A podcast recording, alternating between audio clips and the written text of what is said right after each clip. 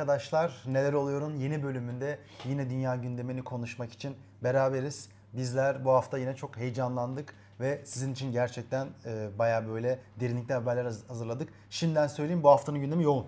Evet. Yani öyle şey Ama bu haftanın gündeminden önce senin geçen haftadan kalan bir borcun var. nedir abi? Abi yayın bittikten sonra yayının bağış e, şeyi rakamı Uçtu. uçtu 1500 lirayı geçti. İşte yani abi bir halay mı? Ya halay mı atarsın, göbek Abi, mi çekersin, şöyle diyelim o zaman. karıştırdım farkındayım ama. Şöyle diyelim yayının sonunda bir halay borcum var. Evet. Yani yayının sonunda bir halay çekiyorum arkadaşlar. Ee, geçen yayında tam böyle halay moduna girdim. Biz yayından çıkmışız. O istemeden oldu. Bu yayının sonunda size söz veriyorum. Halayla beraber e, bu işi noktalıyoruz. Arkadan bir de ses versek daha da kral olur bence. Ne istersin? Abi işte Eşarbını yan bağla. Şemmame. Şem, şemmame. Şemmame ile halay çekiyorum arkadaşlar. Dahası var mı ama e, sizlerden de ricam bizi tabii ki desteklemeniz. Şimdi bu haftanın yine konu başlıklarını verelim. Siz de yavaş yavaş toparlanıyorsunuz biliyorum. Belki bizi şu an yemek yerken izleyenler, yemeğini bitirer, bitirmiş, Bu saatte yemek içerken- bırakılmaz ya. Saat Abi- 9 olmuş. Abi şimdi eğer işten 8'de çıkıyorsan eve geldi bir saat falan filan. Evet. Ondan ben gece yemekçisiyim Evet. ama yine de böyle kamu spotu konuşmayı seviyorum. Ee, belki çayını içerken bizde izleyenler onlar yavaş Olabilir. yavaş gelirken. Şimdi arkadaşlar ilk haberimiz e, biliyorsunuz New York'ta Birleşmiş Milletler toplantısı var. Dünyanın her yerinden liderler oraya geldi. Zaten Recep Tayyip Erdoğan'ın da böyle çok fazla videosu ve fotoğrafı düşüyor. İşte Elon Musk'la o X, X derken e, böyle e, yanağından makas aldığı tatlı bir video vardı. O video. Ama tabii ki işte İtalya Başbakanı orada, işte Biden orada, Ma- Macron orada. Yani herkes orada. Hatta Kanada Macron orada mı ya şu an? Kanada'yla bir noktada orada olur yani. Henüz değil ama gidecek. Evet, olacak. Çünkü bir hafta sürüyor. 19-26 Evet. Eylül. E, Hindistan'la Kanada'nın arası gerildi. Belki biraz onu Evet. konuşuruz. İkinci haberimiz sonra İtalya'da çok büyük bir göç krizi var. İtalya'ya e, Lampasudo adasına belki do- doğru telaffuz edemedim ama birazdan yine bakarım. 10 bin kişi geldi neredeyse bir gün içerisinde. Bu buradan büyük bir İtalyan göç krizi çıktı ama bu işin tabii perde arkası var. Biraz bunu konuşacağız. Ardından e, Muhammed Bin Salman, Suudi Arabistan'ın veliaht prensi Fox News'a çok özel bir röportaj verdi 3 sene sonra. Uzun zamandır konuşmuyordu. Biz Suudi Arabistan'a bugün merkezimize alacağız ve Suudi Arabistan ne yapmak istiyor? Nereye varmak istemektedir bu Suudi Arabistan? Ee, zaten Saudi Vision e, 2030 diye bir projeleri var. E, Muhammed Bin Salman'ın hem uluslararası ilişkilerden de ekonomideki projelerini konuşacağız. Son haberimizde Amerika'da Detroit'te biliyorsunuz Detroit dediğimde aslında eski Amerikan otomobil firmaları işte Ford'udur, e, General Motors'dur vesaire. Büyük bir son yılların en büyük bir grevi oldu. Ve bu grevin arkasındaki e, sebepleri ve aslında daha önemlisi bu grevin bu grevin nasıl oluyor da elektrikli araç piyasasıyla ilgili ilişkisi olduğunu konuşacağız. Yani Çinlerin yani bu rekabetiyle Maska ve Çin'e nasıl yaradığını. Evet yani hiç ummadığınız bir yerden e, size bu grevle Elon Musk ve Çinli otomobil üreticilerini konuşacağız. Bakalım yorumlar neler gelmiş. Ben şimdi daha bakamadım yorumlara. E, sen baktın mı? Bu arada e, hemen bakıyorum. Umarım Hedef de koyalım mı bugün için? bugün de tabii net bir hedef hedefi. koyabiliriz yani. E, Ne diyelim? Bugün hedefimiz arkadaşlar. Şimdi göbek atmayı baştan verdiğin için Evet. üstüne çıkmamız lazım. Halaydı pardon. E, halayımız var. 50 kişiyiz. Bu arada görüntü çok benim hoşuma gitti. Yani bu görüntü. Teşekkür ederim ya. Aynen bayağı yani çok sinematik bir görüntü. Kamera arkasına geçmem fark ettirdi diyebilir miyim? Her zaman fark ettirir ya. Ee, bakıyorum yani çok sinematik bir görüntü var. Gürhan Bey 22 lira gönderip gelsin halay demiş gelecek. Yayının sonunda gelecek arkadaşlar. Ee, Savaş Cebeci Kaan Kazgan arkadaşlar biz bunu konuşmayalım yani. Ya zaten herkes konuştu. Yarın Flu TV'de konuşabiliriz arkadaşlar. Reklam yapıyorum. Yani normalde benim gidip Flu'da 49W reklamı yapmam evet, sen gerekiyordu. Flu'da geliyorsun. Buraya geliyorum Flu TV reklamı yapıyorum. Neyse görüşürüz yani. Evet e, para atmaya çalışıyorum demiş. Peynin Kabir e, hata alıyorum demiş. Şanssızlık küserim yapacak bir şey yok. Kiminin Siz- parası, kiminin duası. duası, evet. Bizi e, sosyal medyada paylaşsanız, işte ne bileyim like atsanız falan. o da O çok da makbule geçer. Evet yani illa sizi paranız var diye sevmiyoruz ama paranız varsa daha çok seviyor olabiliriz. Şey, o zaman göbek atıyoruz. O zaman gibi. halay çekiyoruz. Şaka bir yana geçen yorumlarda şöyle bir şey gelmiş. Ya siz bu kadar dolu adamsınız. Ne böyle şarlatanlık yapıyorsunuz? İşte milletten para dileniyorsunuz. Arkadaşlar bu bir para dilenme değil. Biz burada yani sevdiğimiz, eğlendiğimiz, gerçekten anlamlı bulduğumuz bir işi yapıyoruz. Bir yandan da bunu daha sürdürülebilir kılmak istiyoruz. Yani bunu ben şarlatanlık olarak yorumlamıyorum. Bir de geçen videoda da uzun uzun tiradını attık bunun. Yani uluslararası ilişkilere dair Türkiye'de habercilik zaten zayıf. Bir yandan da 49W'de zaten biz 5 yıla yakındır bir şeyler üretiyoruz ve bu ürettiklerimizin bir emek çıktısı var yani. Bu maliyeti karşılayabilmemiz için de sizin desteğinize ihtiyacımız var. E ne yapalım böyle deyince para gelmiyor. O yüzden Yaşar diyor ki ben para gelince göbek atacağım. İşe de yarıyor yani. Yarıyor yarıyor evet yarıyor bayağı. Ee, biri demiş ki halay değil twerk istesi o kadar değil abi yani o kadar değil. Ben bildiğimi yaparım. O da şeydir yani halaydır. Ee, bugünün konuları saydık ideolog. Yani dedik ki UN, İtalya, e, Muhammed Bin Salman ve otomobildeki grev, Amerika'daki grevi konuşacağız. Sonra elektrikli araçlara dair de Çin'in bu konudaki e, yükselişini ve nasıl olduğu da bütün neredeyse piyasayı domine ettiğini. Yani bir, tabii ki %100 piyasanın domine hali değil ama e, rekabeti nereden kaynaklanıyor? Çin nasıl yükseldi bunu konuşacağız. E, yavaştan başlayabiliriz. Evet. Beş ama dakika oldu. başlamadan önce 76 kişi var, 25 like Aa. var. Bu senin repliğini çalayım. Abi üçte biri. Evet, çok Bak, az. Yarısı olması lazım. Yani 38-39 bandını ben görmeden Evet. e, heyecanlı bir şekilde başlayamam. Yani 38-39'u görmek lazım. Bir yandan WhatsApp durumunda bile paylaşıyorum demiş Bünyamin Aktaş. Helal olsun. Helal olsun. Teşekkürler. Geçen e, yaşlı biriyle konuşuyordum. E, dün işte dün yaşlı biriyle konuşuyordum. WhatsApp'ını bir gösterdi. Full durum abi. Full herkes durum atıyor. WhatsApp'tan Evet, paylaşıyorlar yaşlarda falan. bu çok yani. Bende hiç durum yok. Yani sıfır şu an WhatsApp'a gir. Demek ki hiç yaşlı WhatsApp rehberinde kimse yok. Yok yani ya da paylaşmıyorlar e, onlar. 55 lira gelmiş bacı katledenden. Şimdi e, bacı katledenle biz bunu çok konuştuk. Şu ismi değiştir, şu profil resmi değiştir. Resim daha kötü bu arada. Evet, resim kötü evet yani. e, bu o neydi bu çocuğun ismi? O ben de bilmiyorum. Oğuzhan bir şey bir şey olmuş. Aynen. Oğuzhan Uğur diyecek mi? O değil. Değil. o başka. Ee, neyse bacı katleden aslında öz- yani şimdi bunu şundan Özünde diyorum. iyi bir çocuk Özünde iyi bu. bir çocuk. Ben Yani tanımıyorum. Ben, ben hani sohbetim var özünde iyi bir çocuk. Diğer seyircilerimiz bazen şey böyle abi ne yapıyor falan filan diyor da e, onu bu hesabını komiklik olsun diye kullandığını söylüyor da yani gözünü seveyim ya artık. Değiştir diyorum sana da yani bir türlü şey yapamadık. Kürşet Yani Hoca vardı bir zamanlar Twitter'da. Oldlar bilir. O da Evet. Bu arkadaşı biraz ona benzetiyorum. Trollük böyle bir şey. Evet troll. işte. Diyelim artık e, başlayalım yavaştan ilk haberimizle. Haber şey bu arada münazara davetleri gelecek mi? Yani yavaştan hani e, 3-4 gün içinde gelir. Şu an başvurular almaya devam ediyoruz. Nasıl bir süreç işliyor orada? İstersen Onu da bahsedelim. Şimdi arkadaşlar biz yeni bir etkinlik serisine başlıyoruz. Belki görmüşsünüzdür. Açık münazaralar yapıyoruz. Şimdi açık münazara deyince biraz formatı da anlatayım. Bir konu veriyoruz. Bu konuyu iki takım savunuyor. Hükümet, muhalefet. Şimdi bu yarı açık bir senaryo. Bizim davet ettiğimiz, bizim kurguladığımız konuşmacılar olacak. Bir de isterseniz konuşmak isteyenler söz alıp konuşabilecek. Bana şöyle sorular geldi. Konuşmak zorunda mıyım? Hayır değilsiniz. Ama konuşmak istiyorsanız, benim de söyleyecek sözüm var diyorsanız da katılabilirsiniz ve parmağınızı kaldırıp hükümet veya muhalefet yani konunun verilmiş konuyu savunan veya verilmiş konunun karşısında olan bir takımda yer alabilirsiniz. Şimdi buradaki amacımız bizim tabii ki argümantatif, rasyonel, birbirinin farklı fikirlerine saygı gösterebilen bir ortam yaratmak. Şimdi biz başvuruları aldık. Yaklaşık 90 başvuru var. Bu 90 başvuru içerisinden e, bir eleme usulü yapacağız. Yani yarı açık yine dediğim gibi Hı hı. bir kısmını eleyeceğiz. E, orada artık insanların temsiliyeti, demografik özellikleri, ilk kim başvurdu, nasıl orada bir soru sordum ben size göre sekülerizm nedir diye. O soruya verdiği cevap onlara göre bir eleme yapacağız ama e, mesela Bir de devamı da olacak ya. hani Evet. sonuçta kısıtlı bir kontenjan var. Herhalde başvuranların bir yarısını falan alabileceğiz gibi. Ya da üçte ikisi belki en fazla. Ee, ama bir sonraki etkinliklerde bu sefer çağırmadıklarımız başvurularsa onlara bir öncelik, Öncelik tabii. Evet evet yani siz buna gelmediyseniz üzülüm, üzülmeyin. Ya işte ben çağrılmadım falan diye. Bu bir seri olacağı için mutlaka diğer etkinliklere çağrılabilirsiniz. Bizim ayarladığımız konuklar gelecek. Bir de sizler geleceksiniz. 3-4 gün içerisinde size ulaşmış oluruz. Şu an e, bu aranjmanları devam ettiriyoruz. Diyelim o zaman Birleşmiş Milletler'e Geçelim. New York'a gidelim. New York'a gidiyoruz arkadaşlar. Şimdi 19-26 Eylül arasında New York'ta her sene olan bir e, BM, e, Birleşmiş Milletler, İngiliz, Türkçe. BM de değil, Aynen. evet, UN. De değil. Aynen hani Türkçe e, kısaltmaya İngilizce okuyuş. Birleşmiş Milletler'in bir toplantısı oluyor New York'ta biliyorsunuz Birleşmiş Milletler'in merkezi New York'ta. Yani diğer örgütleri Avrupa'da falan da var işte Cenevre'de var vesaire vesaire. Roma'da biliyorsunuz e, tarım örgütü var. Fransa'da UNESCO var. E, bunlar böyle hani arada genel kültür ortamlarda hava satacak bilgi. Hatta geçen şey oldu. E, date'de anlatabileceğim Evet. malzemeler diye. Yani bunu verirsiniz bilmiyorum. Bak, muhtemelen arkadaş kalkar gider de. Yani fazla niş kalır. Evet. Şimdi e, UN'de tabii ki her sene bu meseleler konuşuluyor.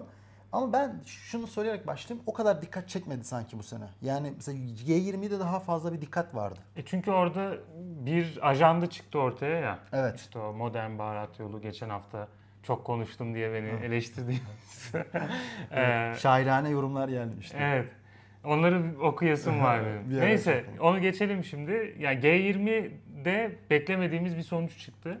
Bir de orada da işte Xi Jinping'in yokluğu konuşulmuştu. UN'de de zaten Gelmedi. beklendiği üzere Putin ve Xi Jinping Xi gelmedi. Jinping gelmedi. Evet. Bu da belki Xi Jinping'in niye gelmediği, ikisine birlikte niye katılmadığı önemli bir konu olarak konuşulabilir. Çünkü Çin yani yaklaşık 20 yıldır uluslararası arenada varlığını artırmak için çabalayan bir devlet ve bu konuda başarıya da ulaşmış bir devlet. İşte daha 90'larda Dünya Ticaret Örgütü'ne kabul edilmezken 2010'lu yıllarda Dünya Ticaret Örgütü'nde en aktif, en faal üyelerden biri haline geldi. E, Dünya Sağlık Örgütü'nün en büyük bağışçılarından vesaire. Dolayısıyla uluslararası arenada hem varlığını güçlendiren hem mevcut kurumlara görece alternatif sayılabilecek kurumlar üreten hem de bütün o mevcut kurumlardaki dominasyonunu da arttıran bir ülke Çin. Evet. Ee, buna rağmen şu son iki haftada G20'ye ve UN zirvesine katılmaması Evet. bence üzerine konuşulmaya değer. Tabii yani katılanlar kadar katılmayanların varlığı da önemli. Biri Putin. E, Putin bu arada yani Amerika'ya giderse tutuklanır. Öyle bir Evet. sorun da var. Aynı sebepten BRICS zirvesine de gitmemiş. Evet gidemiyor. Ee, yanılmıyorsam seneye Brezilya'da olacak BRICS zirvesi ve şimdiden e, Brezilyalılar işte gelirse biz onu tutuklatmayacağız gibi böyle önden bazı taahhütler verdi ama Putin zaten Amerika'ya gitse tutuklanır. Şimdi hem Xi Jinping'in hem Putin'in aynı anda var olmamasında bir anlamı var. Savaşa Xi Jinping çok böyle büyük bir tepki göstermedi. Yani aç- apaçık Rusya'nın yanında da olmadı. Ama apaçık Rusya'ya karşı ambargo koymadı. Apaçık Rusya'dan işte ithal etmeyi bıraktı. Hatta bunu bir avantaj olarak kullanıp daha ucuza petrol ve doğalgaz almaya başladı ki Hindistan da yaptı ama Hindistan da bunu yapıyor. Ama mesela Batılılar Hindistan'a karşı biraz daha tolerans gösteriyor. Evet. Çünkü e, Hindistan'ı Çin'e karşı kullanabilecekleri bir yapı olarak düşündükleri için. Evet Hatta ki Türkiye'de görece yani diğer batılı ülkelere kıyasla daha az e, yaptırım uyguladı Rusya'ya karşı. Evet. Hatta bir deal breaker yani Evet. orada bir ara bulucu ya da işte tahıl koridoru anlaşması gibi anlaşmalarda e, garantörlük rolü üstlenici bir konumu vardı. Ama Çin'in buradaki şeyi hani batının hoşuna gidecek bir pozisyonda olmamasından kaynaklanıyor. Evet. Yoksa Rusya'ya yaptırım yapmaması bahane. Bu ikisi şu an Putin ve Xi Jinping'i biz uluslararası arenada göremiyoruz. E, Bir yandan tabii ki diğer meseleler e, bunların olmaması da başta dedim ya yani UN çok konuşulmadı diye o toplantıların varlığını ve etki gücünü biraz zayıflatıyor. Yani aslında orada bir tansiyon olması, karşıt fikirlerin bir araya gelmesi, Amerika'nın orada tek var olması, tek hamisi gibi gözükmesi de aslında belirli uluslararası kurumların meşruiyetini zedeleyen bir Evet. şey. Çünkü kapsayıcılık önemlidir yani. Evet. Bir kurumun kapsayıcılığı e, o kuruma duyulan inancı arttırır. Çünkü ben buraya Amerika'nın dediklerini dinlemeye gitmiyorum. Evet. E, başkalarını da di- dinleyeceğim ve gerekirse kendi davam için başkalarından destek toplayabileceğim. Amerika'nın tek başına veto gücüne sahip bir e, devlet olarak olmadığı bir senaryo herkes için daha kapsayıcı bir hikaye aslında. Hatta derler yani siz savaşı düşmanlarınız da sizi kabullendiği zaman, sizin pozisyonunuzda oynadığı zaman kazanırsınız diye. Sallıyorum neoliberalizm 1980'den sonra hem solu hem sağı etkiledi. Hakeza 1960-80 arasında sol mesela liberalleri bile etkilemişti ki sosyal liberalizm diye bir şey çıkmıştı. Yani o dönemin paradigması aslında hangi taraf kendi ideolojik hegemonyasını kurabildiğinde ortaya çıkıyor. E şimdi siz Amerikan yani Amerikan dominant enstitülere, kurumlara, uluslararası merkezlere gitmediğinizde oranın meşruiyetini zedelemiş oluyorsunuz. Evet. Şimdi e, birkaç mesele daha oldu. Şimdi bu tabii haftaya da belki konuşulur çünkü o 26 Eylül'e kadar Asıl sürecek. meseleler zaten ne olduğu ne bittiği toplantı bitince Evet. daha iyi anlaşılacak. Bir Zelenski konuşma yaptı. Zelenski zaten hani her yerde konuşuyor. Evet evet. Yani şöyle adam gidiyor işte diyelim ki Sciences-Po'da konuşma yapacak öğrencilere. Orada bile aga işte bize şu, şu silahı vermiyorsunuz, bunu vermiyorsunuz, bize F-16 lazım, bu lazım diye bulduğu her meclisi bu aslında bir nevi gerilla marketing gibi bir örnek yani. Her mecliste direkt Ukrayna'nın defansif ya da ofansif ihtiyaçlarını sıralıyor. Evet. Ama bir yerden sonra da bayıyor insan. Bayıyor da ben hani anlayışla da yani şöyle anlayabiliyorum yani. Canım adamın e, boğazına yapışmış yanında Evet. bir ayı var yani. Evet ondan. Şimdi e, yine UN'de konuşma yaptı. Hatta konuşma yaparken Rusya'nın o e, Permanent Security Council memberlığı var ya yani Daimi güvenlik e, Aynen, ağzına kurulu sağlık. üyeliği. üyeliğinden çıkarılmasını e, savundu. Lavrov bu arada dışarı çıkmış falan hani dinlemeyi bırakmış. E, Zelenski bu konuşma yaptı sonra Washington'a gitti. Evet. E, Washington'da Biden'la görüşecek sonra Cumhuriyetçi e, senatörler ve parlamento üyeleriyle görüşecek. Çünkü şu an Biden'ın 24 milyar dolarlık bir silah yardım paketi var ama Cumhuriyetçiler biraz engellemek istiyor. Onlar biliyorsunuz böyle savaşı derinleştirmeme taraftarı. Her zaman hani her zaman demeyeyim de Cumhuriyetçilerin uzun zamandır şöyle bir tavrı vardır. E, biz abi çok dışarı karışmayalım. Zelenski onları ikna etmeye gitti. Evet. Şu da önemli bu arada. Yani e, diyelim ki Rusya Güvenlik Kurulu üyeliğinden çıkarıldı. Bu Birleşmiş Milletleri daha kapsayıcı yapmayacak. Aksine gü- daimi güvenlik kurulu üyeliklerini tamamen kaldırırsanız e, ve hepsi seçimle gelen güvenlik kurulu üyeleri olsa bu da işte Türkiye'nin de sahiplendiği o Dünya 5'ten büyüktür tezi anlamına geliyor. Bu daha kapsayıcılık anlamına geliyor ama Zelenski burada Rusya'yı dışlayıcı bir şey öneriyor ve bununla da kalmadı. Zelenski bir de şeyle suçladı Rusya'yı. Soykırımla suçladı Evet. e, savaş sırasındaki yani yerinden edilmeleri de dahil ederek söyledi bunu. E, ama yani bu tabii çok da karşılık bulacak bir hikaye değil. Belki savaşın Rusya aleyhine güçlü bir şekilde devam etmesi söz konusu olsaydı bu tip iddiaları daha ciddiye alacaktık ama şu anda öyle bir durum söz konusu değil. Başka neler konuşuldu Yaşar? Abi e, Meloni özellikle çıktı ve dedi ki e, İtalya dedi Avrupa Birliği'nin göç merkezi olmayacak, Evet. göç deposu olmayacak. Erdoğan'la da toplantı Konuştu. yapmışlardı. Evet şimdi Erdoğan zaten hani hem Türkiye hem İtalya hem Libya aslında bu Akdeniz'deki göçmen ve insan trafiğinin e, hem en çok etkilenen hem de bir nevi bu denizler üzerine kontrol sahibi olan ülkeler ve Meloni de işte Cumhurbaşkanı Erdoğan'la da konuştu. E, bu konuda Türkiye'nin işte işbirliğine e, çok önem veriyoruz vesaire gibi şeyler söyledi. Tabii Meloni'nin bunu söylemesi boşuna değil. Çünkü İtalya özellikle Ağustos ayının sonu ve Eylül ayının başında çok ciddi bir anlık kriz yaşadı ama bu anlık kriz sadece o ana özgü değil. Genel olarak 2023'te bakın Eylül ayına kadar İtalya topraklarına 120 bin göçmen ayak basmış. Bu sayı geçen seneye kıyasla iki katına çıkmış bir sayı.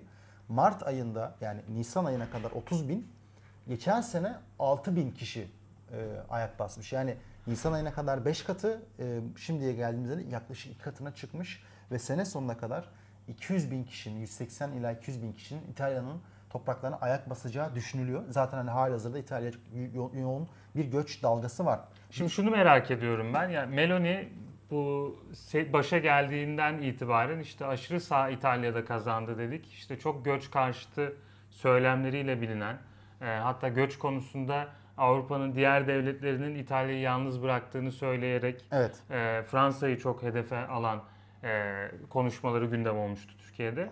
Böyle göçmen karşıtlığıyla bilinen bir partinin göç krizini çözemiyor olması biraz şaşırtıcı geldi. Şaşırtıcı, evet. Ama tabii ki yüzeysel bir şaşırtıcı, Evet. biraz retorik bir Aynen. şaşırma Evet, bu. evet.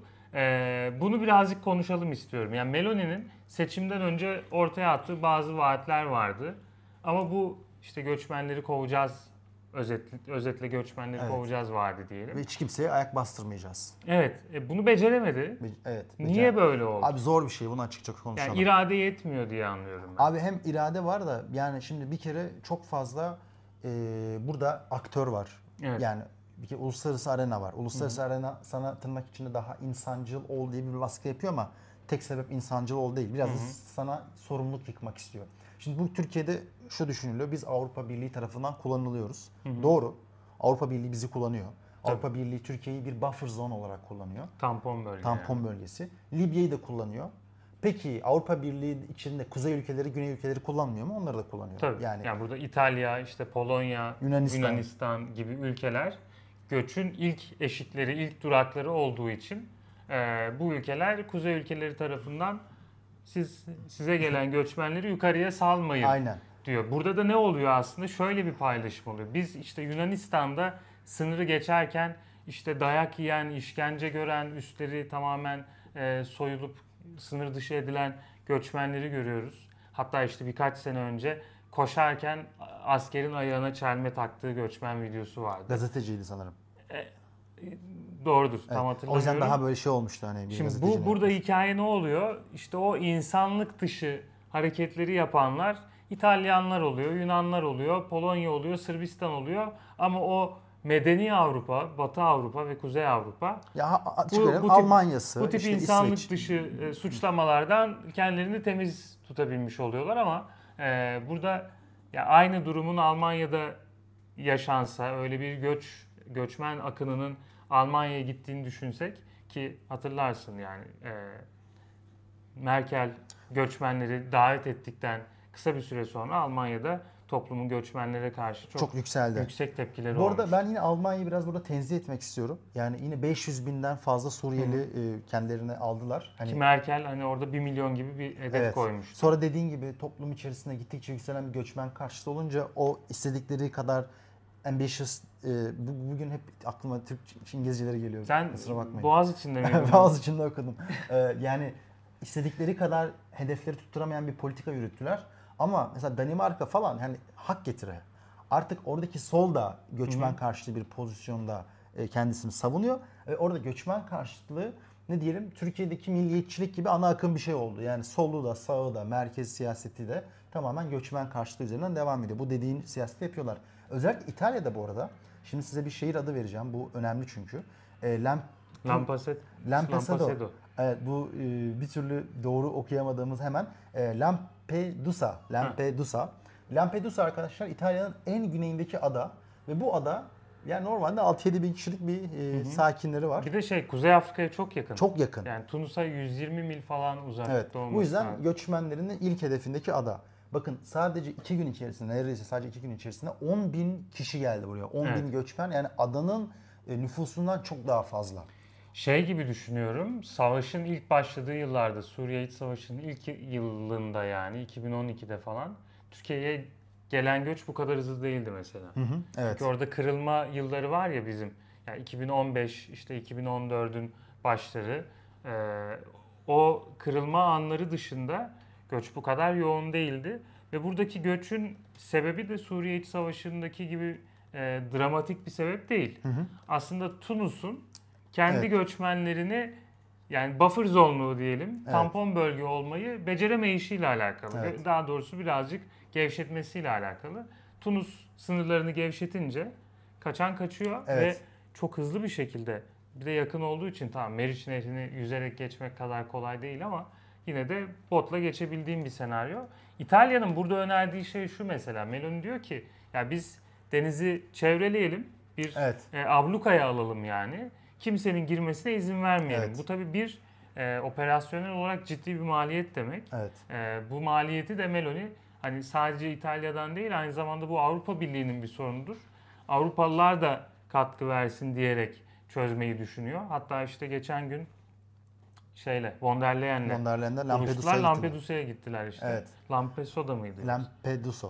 Her neyse artık onu bu bölüm boyunca hep Evet. karıştıracağız. Evet. Ee, burada şunu görüyorum. İtalya'nın çözüm önerilerinin bir kısmı Avrupa Birliği'nden veto yiyor. Veto yiyor. Biraz çünkü işte bu dediğimiz abi sen bu işle ilgilen bizi bu işe sokma Evet. tavrı var. Ben bu arada e, Sky News'un çektiği özel bir video vardı onu izledim. İşte von der Leyen ve Meloni e, Lampedusa'ya gidiyor. E, birkaç gün önceden oradaki göçmenleri aslında temizlemişler tırnak içine söylüyorum. Ve o yüzden Meloni ve e, von der Leyen çok fazla göçmenle karşılaşmadı. O yüzden yerel halk şuna isyan ediyordu. Ya siyasetçiler geliyor bu problemi anlık olarak çözüyorlar. Bu problem yaşanmaya devam edecek. Ve o kriz görüntüsü siyasetçilere Yansımıyor. tam olarak yansımıyor. Evet. Şimdi Avrupa Birliği de bunun farkında, Melodi de bunun farkında. Burada şimdi şunu konuşmak lazım. Ee, sen de sordun bunu. Göç karşıtlığıyla bilinen ve bunu aslında insanlara söyleyerek, bunu insanlara söz vererek gelmiş bir iktidar bunu tam olarak çözemiyor. Hatta daha büyük bir sorunla karşı karşıya. Neden? Çünkü göç arkadaşlar sizle ilgili bir problem değil. Asıl mesele bu. Yani Tunus dedik. Bu sene Tunus'ta %15 işsizlik rakamlarına ulaşıldı. Ee, geçen sene parlamento askıya alındı. Ee, oradaki siyasi otorite gittikçe böyle daha da otoriter bir yapıya kavuşuyor. Tunus sadece kendi vatandaşları değil Sahra altından gelen göçmenleri de daha rahat bir şekilde İtalya'ya göndermeye başladı. Yani diğer ülkelerle egemenlik mücadelesi ve bu yüzden bir kere sorunu içeride çözmek çok zor. İkincisi şunu da kabul etmek lazım. İtalya'da işte bir sürü e, yani buna da daha hak arayışı üzerinden ilerleyen sivil toplum örgütleri, siyasetçiler, dernekler, medya var. Onlar da daha insancıl yaklaşmak istiyor. Çünkü Meloni evet Kuzey Afrika'ya bir ambargo veya bir abluka koyamadı ama e, İtalya'dan çıkan gemilerin sayısını azalttı. Çünkü normalde bir e, göçmen gemisi sıkıntıya girdiğinde işte oradaki dernekler, vakıflar gidip onu kurtarıyor. Ama Meloni diyor ki bunun varlığı göçmenleri daha da motive ediyor. Evet. Çünkü yani kurtarılacağını biliyorsun. Ama şimdi bu insanları ölüme mi terk edeceğiz gibi başka bir soru da var. Ya caydırıcı olmak, e, hiç gelmemelerini sağlamak e, Evet. asıl mesele ama bu insanlar da ölümle ölüm arasında kaldıkları için zaten yani İtalya'ya ya da Yunanistan'a ve oraya üzerinden Avrupa'ya gitmedikleri senaryoda da ölümden farksız bir hayat yaşadıkları için çoğusu ölümü göze alıp çıkıyorlar yola. Ölümü göze alıp çıkan birinin e, başkalarının ölümüyle ürkmesi de mümkün değil. Değil. Hatta yine o Sky News'ta bir tane göçmenle konuşuyorlar. Dört defa denemiş. Dört defa. Ve sen ne kadar para harcadın diyor. Yani çok diyor çok. Yani muhtemelen bence 5000 dolar falan harcadı. Yani 5000 5000 dolar. dolar az olabilir bu Ben, arada. hani ben bu şu an e, biraz az bir rakam da Ben söyledim. bir kere çünkü Paris'e giderken işte bir Türk vatandaşı Avrupa'ya kaçmaya çalışıyordu. Ee, Sırbistan aktarmalı gitmiştim. Evet. Yani onun hikayesini dinledim ve sonrasında da onunla yakın arkadaş olduk. Ee, çünkü ilk gidişinde başarılı olamadı. Birkaç kere farklı yollardan denedi ve her yolda e, ilk etapta ucuza kaçtığı hiçbir yolda başarılı olamadı. En sonunda işte farklı illegal sayılacak yolları deneyerek e, kaçmayı başardı ama yaptığı masraf yani 10 bin dolara falan yakındı. 10 bin dolar. Evet. Yani çok ciddi bir para Yani var burada. Türkiye'de zaten ciddi bir sermayesi varmış. E, o sermayenin tamamını buradan çıkayım Avrupa'ya yerleşeyim diye kullanmış. Yani ucuz bir iş değil. Şimdi bunun aslında yapısal sebeplerini konuşmak lazım. Şimdi biz anlattıklarımız bir birleştirin arkadaşlar. Biz ilk yayınlarda Çad'ı konuştuk, Mali'yi konuştuk. Yani Orta Sahel, e, Orta Afrika'yı konuştuk. Evet. Bu ülkelerdeki istikrarsızlıkları konuştuk. Bu ülkeler istikrarsızlaştıkça, sallıyorum Sudan'daki çatışmalar arttıkça, şu an Libya'da mesela e, bir çatışma ortamı yok ama işte ikiye bölünmüş bir devlet yapısı var. Güney Sudan hakeza ayrılmış durumda de facto olarak, de jure olmasa da. E, bunun yanında Tunus'taki istikrarsızlıklar bu, ve, ve artan çok ciddi bir nüfus. Yani Nijerya nüfusuna, Nijer nüfusuna bakın böyle grafikler böyle falan fırlıyor. Buradan aslında bir baskı var. Bir baskı yukarıdan yani içeriden yukarı doğru sürekli bir göç dalgasına yol açıyor. Birincisi bu ülkenin istikrarsızlıklar yaşaması ve var olan kaynakların Afrika'ya yetmemesi. İkincisi bu ülkelerdeki insanlar daha kolay mobilize oluyor. Telefon var, işte internet var, işte tanıdıklar var vesaire vesaire. Evet. Dolayısıyla göç etmek de kolaylaştı. Tabii yani gideceğin yerde bir ne, yani biz işte bu Türkiye'den kaçmak diye bir video çekmiştik Ömer'le. Ömer Paris'e ilk geldiğinde. Evet. O videoda şunu söylemiştik. Gideceğiniz yerde tanıdığınızın olması oraya hem gidişinizi hem orada hayata tutunabilme imkanlarınızı kolaylaştırıyor. Evet, Ve bu evet. hani %10, %20 kolaylaştırmaktan değil yani. 5 kat, 10 kat e, kolaylaştırmaktan bahsediyoruz. E, böyle bir senaryoda da yani Afrikalıların e, yani Fransa'da mesela çok rahat Kuzey Afrikalı birisi tutunabiliyor. Evet. İtalya'ya gideyim, İtalya'dan sınırı geçeyim, Fransa'ya geçtikten sonrası kolay diye düşünüyorlar ama orada da şu var yani orada kayıtsızsın sen. Polise denk geldiğin anda sorun yaşayacaksın. O yüzden ilk etapta gittiğin ülkede tutun- tutunmaya çalışıyorsun. İtalya'da bu ülkelerden birisi. Ee, bir yandan da bu arada şu var. Ee, yani Meloni'de bir takım böyle ne diyelim yine aklıma measure gibi öyle şey geliyor. Yani e, yaptırımlar aldı. Yeni değişiklikler yaptı. Birincisi normalde göçmenler geldiklerinde bir göçmen karşılama merkezinde tutuluyor. Buradaki maksimum süre 3 ayken 18 ay e, aya çıkartıldı. Evet. İkincisi yeni göçmen gö- geri gönderme merkezleri kuracağını söyledi. Yani bunun gibi aslında göçmenleri daha uzun tutmak, sonuçta göçmenleri daha zor bir duruma sokmak yani kimse oralarda yaşamak istemiyor aslında. Ya Türkiye'de de şimdi seçimden sonra hem bu geri gönderme merkezlerinin artırıldığını görüyoruz hem de işte e, bu gelenlerin ilk karşılanması ile ilgili bazı adımlar atılmaya çalışıldığını görüyoruz. Bu Meloni ile Erdoğan'ın New York'taki buluşmasının da ben birazcık oradaki know-how aktarımıyla alakalı olduğunu Evet. düşünüyorum. Beraber de çalışmak istiyorlar. Bak bu beraber çalışma ile ilgili şunu da söyleyeyim. Bu işin en zoru da şu. Eğer bir ülkeyle geri gönderme anlaşmanız yoksa geri gönderemiyorsun abi hukuk dışı. Yani aslında yapabilirsin de Avrupa devletleri bunu yapmak istemiyor. Ki e, asıl mesele bu. Çünkü İtalya'nın diyelim ki Tunus'ta bir geri gönderme anlaşması yok. Geri gönderemiyorsun. Çünkü e, o ülkenin parasını karşılaması lazım. Hadi diyelim ki sen parasını aldın. Anlayabiliyorlar. Bu adam benim ülkemden kaçtı. E, hukuki olarak yasa dışı bir şey yaptı. Tabii. Ve işin kötüsü diyelim ki geri gönderme anlaşmanız da var. Geri gönderelim dediğiniz göçmenlerin de %20'si gidiyormuş. Yani birçoğu da e, kanun dışı ülkede kalmaya devam Evet. ediyor. Yani bu işte arkadaşlar bayağı e, hukuki boşluklar veya siyasi irade boşluğu var. Ve bir de günün sonunda bu bir yine hesaplama meselesi. Senin bir e, kaçak göçmeni bulmaya, geri göndermeye ayıracağın maliyetle, masrafla o göçmenin senin ülkende olmasının yarattığı masraf arasında hükümetler bir planlama, bir hesaplama yapmak zorundalar ve bu hesap sonunda bazen ilkini tercih edebiliyorlar. Evet Yani bu arada bu da çok ki, önemli. e, bu adamı geri göndermeye çalışmanın maliyeti onun burada kalmasından daha yüksek. Evet. O zaman niye uğraşayım ki diyebiliyor. Ee, bu arada Mehmet Fatih Sarı 10.49W üyeliği hediye etmiş. Ee, çok teşekkür ederiz Mehmet Fatih Biz konuşurken gelen diğer şeyleri de yeni habere geçmeden önce hızlıca şey Okuyalım. yapabiliriz. Onur Kumcu Gönlüm Zengin grubuna gelmiş. Hoş geldin. Ee, yine Atasoylu Gönlüm Zengin'e gelmiş. Bakıyorum bakıyorum hemen hızlıca. Herhalde benim görebildiklerim şunlar.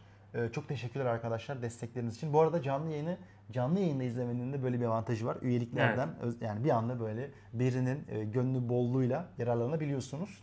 Şimdi e, konuştuk bayağı İtalya'daki göçmen krizini önümüzdeki günlerde de muhtemelen başka ülke, ülkeler aracılığıyla konuşmaya devam edeceğiz. Sıradaki habere geçelim isterseniz. O da Muhammed Bin Salman. E, bu arada 170 kişiyiz Vahit. E, çok güzel bir sayı yani henüz 31. dakikada olmamıza rağmen. Ama 75 like var. Gönül isterdi ki bu like sayısı 120 olsun. 120 olsun. En azından 100 olsun. 100 olsun, 120 olsun. Hani böyle e, masaya öyle kırar gibi e, like butonuna basması basılmasını dilerdim. Telefon ekrana dikkat edin Aynen. arkadaşlar. Yenilemesi çok masraflı oluyor. Sen yaşadın herhalde son Yok zamanlarda. yaşamadım da yine de ben hani insanlarla şey kurmayı seviyorum ya. Aman telefon kırılırsa çünkü Masraf 2-3 Tabii, bin lira. Şimdi dışarıdan getirdiğin telefonları kaydettirmenin maliyeti 20 bin lira. uçtu ya. Uçtu. Çok uçtu yani. Uçmaya da devam edecek diyorlar. Ama Kasım'da bir zam daha gelecek diye bir söylenti duydum. Umarım doğru değildir. Yani Kasım'da zam yapacağına bir sonraki seneyle birleştir. Ocak'ta yap o zammı kardeş. Evet, evet. Yani e- e-mail kaydına dair ben şunu yaşamıştım. Sabah bir uyandım. O gün de White'lerde kalmıştım. E-mail kaydı 20 bin lira olmuş. Evet. Ve o güne yapmazsan, o gün içinde yapmazsan abi e, 20 bin lira ödeyeceksin. Yoksa 6 O bin gün lira. bitirirsen 6 bin lira, Aynen. 14 bin liradan E tabi site çöktü. Evet. Yani ben böyle 5-6 saat uğraştım sırf onu yatırabilmek için. Hatta en son kız arkadaşım benim yerime falan yaptı. Ee, çok şey yani. Ee, bir anda böyle Türkiye'de bir anda 14 binlik olabilirsiniz arkadaşlar. Hiç şey fark etmeyebilirsiniz. 95 like'ımız oldu. Ee, 120'ye doğru gidiyoruz. hadi 120 ben olacak. de bir like atayım. Evet. Şurada izlerken like atmadığımı fark ettim. Evet sen de at ben de attım. Şimdi yeni, Yeni habere geçelim. geçelim. Şimdi arkadaşlar yeni haberimiz Muhammed Bin Salman Fox News'ta özel bir röportaj verdi. Ee, özel röportaj dememin sebebi şu 3 senedir normalde röportaj vermeyen biri Muhammed Bin Salman ve full İngilizce. Yani e, İngilizcesi bence fena değil. Hani biraz o kadar iyi değil ama bence güzel bir özgüven. Hintli. İngilizcesi mi, Muhammed Bin Salman mı? Abi Muhammed Bin Salman ya. Ama böyle bazen kelimeler yani şöyle sen, sintaks yapısı bazen bozuluyordu. Yani Anladım. tam böyle e, Ben Arap he- İngilizcesini de severim ya. Ben de yani. Arapların İngilizcesi tatlı oluyor. Ya he have falan diyordu bazen. Hani onun gibi şeyler. Ama bence yani İngilizce vermesi bile büyük bir özgüven. Ee, peki neler konuşuldu? Kısaca Muhammed Bin Salman'ın vizyonu. Biliyorsunuz arkadaşlar Muhammed Bin Salman 38 yaşında bir veliaht prens. Aynı zamanda da aslında şey yani defakto olarak egzekütif Aynen. yani ne denir ona yürütmenin başında Evet. o var yani. Yani babası e, Abdülaziz miydi? Yok, şey Selman. Abdüselman. Abdüselman 88 Selman yaşında. değil, direkt Selman. Selman. ben hani hep böyle- Muhammed bin Selman, Selman'ın oğlu Muhammed Evet, demek. ha, Evet. Ee, ben böyle a- sanki Suudi Arabistan'da full abd böyle bir başlangıç gibi hani şey Evet. e, given. Neyse e, 88 yaşında ve yani neredeyse yürüyemiyor. Onun yerine Muhammed Bin Selman yöneticiliğini yapıyor ve Suudi Arabistan'a farklı bir vizyonla geldi. Bu vizyon üçe bölelim temelde. Birincisi uluslararası ilişkilerde Suudi Arabistan'ın uzun yıllardır anlaşamadığı, veya uzun yıllardır ilişki kurmadığı ülkelerle ilişki kurmak, Çin, Rusya gibi ülkelerle de e, alternatif ortaklıklar yaratmak. İlk nokta bu. Bunu birazdan detaylandırırız. İkincisi ülke içinde reformlar var. Şunu diyeceğim ama ben, yani bugün ben bir otokrat övmeyeceğim arkadaşlar. Hiç şüpheniz olmasın. Yani biz Muhammed Bin Selman'ı neyle tanıyoruz Türkiye'de? E, Cemal Kaşıkçıoğlu'yla. Onu da konuşuluyor. Şimdi Evet. o, o da konuşuluyor zaten. Onu da soruyorlar. Hatta it was a mistake falan diyor. Yani işte it was a mistake işte. Cidden hani Ya başkasını öldürecektik yanlışlıkla bunu Hani- öldürdük mistake'i mi yoksa öldürdük pişmanız. yok hani hala kendisini öldürdüğünü kabul etmiyor da hani it was a mistake işte e, bürokrasinin içerisinde böyle söz geçiremediğimiz grupları oldu falan. Evet. Hani Şu yüzden önemli sana. bu. Yani Cemal Kaşıkçı olayından önce de MBS Batılıların şeyiyle Muhammed Bin Selman e, söylemi yayılıyordu. Bir Evet. reformcu e, prens olarak. Tabii. Fakat Kaşıkçı olayı o profile büyük bir dam şey e, darbe vurmuş. Vurdu ben ama yine Muhammed Bin Selman'ın anlaşılması gerektiğini düşünüyorum. Yani e, ben bir otokratı övmekten yerine farklı bir şey yapmak istiyorum. Tabii. Bunu- Keep your enemy close gibi bir motto var. Abi bir kere e, bak şimdi onu söyleyeceğiz dedik de ikincisi ülke içerisinde reformlar yapıyor yani işte şimdi e, Atas öyle demiş artık kadınlar araba sürebiliyor süper reformist. E, tabii ki hani biz baktığımızda bize hala çok e, ilerleyebilecek ne diyelim bir potansiyelleri var gibi geliyor ama hani Suudi Arabistan için önemli. Üçüncüsü ekonomik anlamda çok ciddi bir e, yatırım kurdular. Yani 2030 vizyonu ortaya koydular. Bu 2030 vizyonunda turizmden e, ne diyelim finans kapitali, finans kapitalden yeni şehirler kurulmasına, yeni şehirler kurulmasına enerji bağımsızlığına yani yeşil enerjiye kadar falan bir sürü böyle sektörde yatırım yapacaklarını söylediler. Son zamanlarda sporla sükse oldu biliyorsunuz. Şimdi uluslararası ilişkilerden gelelim. Mesela İran'la ilişkileri düzeltme çabası içerisindeler. Evet, yani 2020'den Yemen'deki beri. savaş hala devam ediyor. O savaşı bitirmeye yönelik bir irade beyanı ortaya Evet. koyuyor en azından. Hem Yemen'deki proxy savaşı hem de İran'ın kendisiyle daha böyle diyelim e, sıcak bir ilişki kurma gayreti var. En büyük Ee, değişiklik Tabii ya buradaki gerilimi okumamız lazım. Orta Doğu'da kimin daha hakim olacağı, kimin o İslam toplumlarına e, daha yukarıdan seslenebileceği konusunda İran'la Suudi Arabistan arasında yeni değil. Yani 10 yıllardır süren bir 79'dan beri neredeyse. Ee, bence daha öncesi çünkü yani İran'daki burada ortada bir, bir tarafta Şii bir odağın Aynen. olduğu, öbür tarafta işte Vahabi bir odağın olduğu bir Çatışma e, çatışma var. Ve bunun için yani Türkiye burada çok iyi bir e, case study örneği aslında. Türkiye'ye İran'dan da Suudi Arabistan'dan da çok ciddi paralar akıyor mesela. Kimlere akıyor bu paralar? İşte bir yandan çevirmenlere akıyor, bir yandan Evet. işte e, İslamcı köşe yazarlarına akıyor. Evet. Neden? Yani etki satın almak istiyorlar bunlar. Neredeyse bütün Orta Doğu ülkelerinde İran ve Suudi Arabistan arasında kültürel hegemonya savaşı var. Son zamanlarda ama Suudi Arabistan biraz öne geçti. Bunun birkaç sebebi var. Bazı ülkelerde. Evet, evet, yani- yani, mesela Suriye'de İran'ın evet. çok net bir baskınlığı Evet, var. Suriye'de öyle. Irak konusunda hala İran çok güçlü mesela. Güçlü ama Suudi Arabistan şu an mesela Irak'la ilişkileri düzeltmeye çalışıyor. Evet. E, Hatta kim bu ilişkileri düzelmesine yardımcı olmuş? Çin. E, Çin'le Suudi Arabistan arası gittikçe iyileşiyor ve Suudi Arabistan'ın ana ticaret partneri artık Çin. Amerika değil. Yani daha fazla Çin'le ticaret hacmine sahip. E, bu da biraz Amerikalıları rahatsız ediyor bu arada. Ama dediğim gibi Orta Doğu'da çok net bir etki savaşı var. Ve Suudi Arabistan parasının olmasıyla aslında yani çünkü İran'a karşı daha fazla parası olan bir ülke. Evet. Ee, İran burada yeri geldiğinde paramiliter güçleri kullanmaktan çekinmiyor. Yani Tabii. işte ordusu. Yani bir- e, İran daha hard power girebiliyor. Lübnan'a, Suriye'ye, Irak'a. Evet. Ya bunların hepsine İran'ın müdahaleleri oldu. E, Ee, Suudi ama Suudi Arabistan'ın da yani Parası petrolü var, var, parası var. Dolayısıyla kültürel alanda bir de yani Sünni background'ı Suudi Arabistan'ın e, diğer ülkelerle iletişim kurmasında çok daha yardımcı oluyor kendisine. Çünkü yani Lübnan'da mesela bir bölünmüşlük var. Sünni nüfusla Şii nüfus arasında ve hatta Hristiyan nüfus arasında bir bölünmüşlük. Bu bölünmüşlüğün üzerinde herkes uzlaşmış durumda ama diğer ülkelere baktığımızda çoğunluğunda ya Mısır'a bak mesela Mısır'da Sünniler daha Evet. e, çoğunlukta hatta Selefi e, düşünüş de Mısır'da gayet yaygın. Dolayısıyla aslında organik bir Bağ var. düşünsel bağ var. Türkiye'de bile e, 90'ların İslamcılığını bir kenara koyalım. Yani o İran devrimi sonrası Bir hype vardı. e, hype vardı. Yani 80'lerde yoktu bu hype çünkü öyle bir özgürlük ortamı yoktu darbeden dolayı. Ama do- 2000'li yıllarda Türkiye'deki İslamcıları sorsak hangisine daha yakın hissedersiniz diye muhtemelen Suudi Arabistan'a daha yakın hissederler. Evet. Yani şu son birkaç yılı saymazsak. Ee, bu da aslında Suudi Arabistan ve İran arasındaki e, bölgesel hegemonya çatışmasında Suudi Arabistan'ın neden önde olduğunu gösteren Bir de faktörlerden. İran'ın şöyle bir e, kontrapiyerde kalma durumu oldu. Biliyorsunuz Obama döneminde bir nükleer anlaşma imzalanmıştı. İran bu nükleer zengin, yani daha uranyum zenginleştirmeden vazgeçecekti ve karşılığında bütün bu yaptırımlar kalkacaktı. İran'a o zaman e, belki 100-200 milyar dolarlık işte uzun vadede bir yatırım öngörülüyordu. E, Her şey çok optimistti. İşte Renault'su, Fransa'da Renault'su, Almanya'da Volkswagen'ı, Amerika'daki birçok şirketi İran'a gidip yatırım yapacaktı ki Trump iktidara geldi ve İran'ı dışladı. Bu arada e, Obama'nın İran'la yakınlaşması Suudilerin de biraz hoşuna gitmemişti. Hatta Trump o yüzden böyle biraz e, Suudi Arabistan'ı yağlayıp bağlamıştı. Ama son zamanlarda yine gördük ki İran biliyorsunuz 2019 veya 2020'de olması lazım. Suudi Arabistan'ın petrol rafinelerine drone saldırıları yaptığında Amerika buna çok güçlü bir tepki koymamıştı. Oradan itibaren Suudi Arabistan'la aslında Amerika arasında giden e, bir çatışma var. Evet. Yani aralarında o kadar iyi değil. Çünkü Trump sonrası diyelim aslında bunu. Yani her ne kadar e, orada Trump'ın da içinde olduğu bir dönemde bu tip olaylar yaşanıyor olsa bile aslında bir şey dönüşümü Çin'le Suudi Arabistan yakınlaşmasının evet Amerika'yı rahatsız ettiği bir dönem olarak okuyabiliriz. Bununla bunu. ilgili ben e, Foreign Affairs'te çok güzel bir yazı okudum.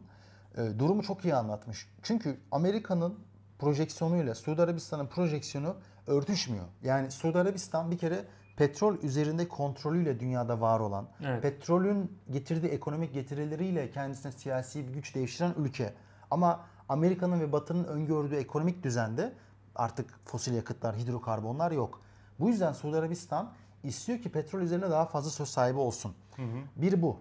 Bunun için ne yaptılar? 2016'da OPEC Plus'ı kurdular. OPEC Plus'ı Rusya'yı dahil ettiler.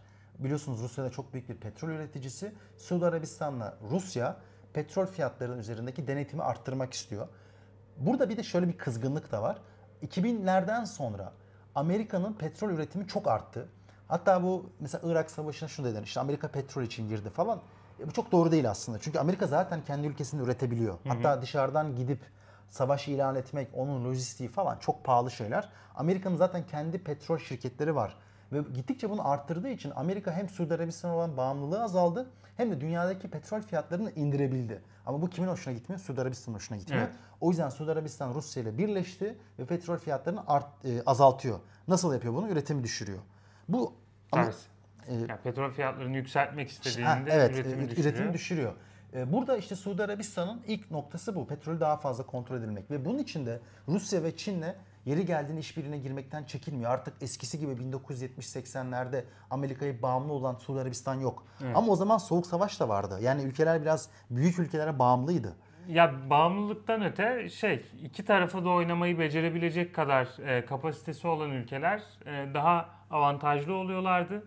Ama tarafını net belli eden ülkeler diğer taraftan tokat yemeye hazır, kendi tarafından da destek görmeye hazır oluyorlardı. Evet. Bu tamamen e, ne diyelim artık o ülkelerin diplomatik becerileriyle alakalı ki Suudi Arabistan'ın şimdiki pozisyonunda bence buna benzer. Çünkü İsrail'le e, ilişkileri geliştirmeye yeşil ışık yakan bir Suudi Arabistan var. Ama İsrail ile ilişkileri normalleştirmeye hazırlanırken İran'la da ilişkileri normalleştirebiliriz diyor. Evet. Öbür taraftan ABD ile müttefiklik ilişkileri genişliyor bence hala e, Suudi Arabistan'ın ve hatta işte Muhammed Bin Selman Fox'taki röportajında şey demişti. ABD'nin e, çerçevesini çizdiği bir bölgesel plana biz uymaya hazırız. Yani İsrail'le normalleşmenin olduğu, Evet. belki İran'la normalleşmeye de ABD'nin ön ayak olduğu bir senaryo bizim karşı çıkacağımız bir senaryo olmaz. Aksine destekleriz diyordu. Ama aynı Suudi Arabistan Çin'le de ilişkilerini eskisine nazaran çok daha güçlü bir hale getirebiliyor. Evet, dediğimiz gibi Çin'in en büyük artık petrol e, ihracatçısı yani ithalatçısı Yani Suudi Arabistan oldu. ithal ettiği ülke. Evet, Suudi Arabistan oldu.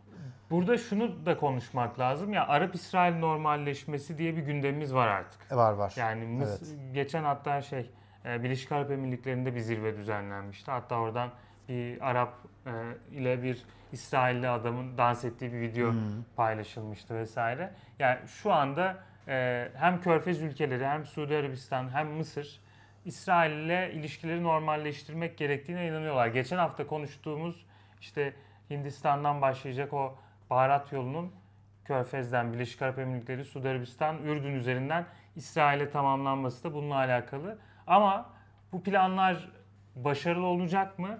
Onu göreceğiz. Çünkü burada ben bu planın kendisinin de Çin ve ABD arasındaki rekabetin bir ürünü olduğuna inanıyorum.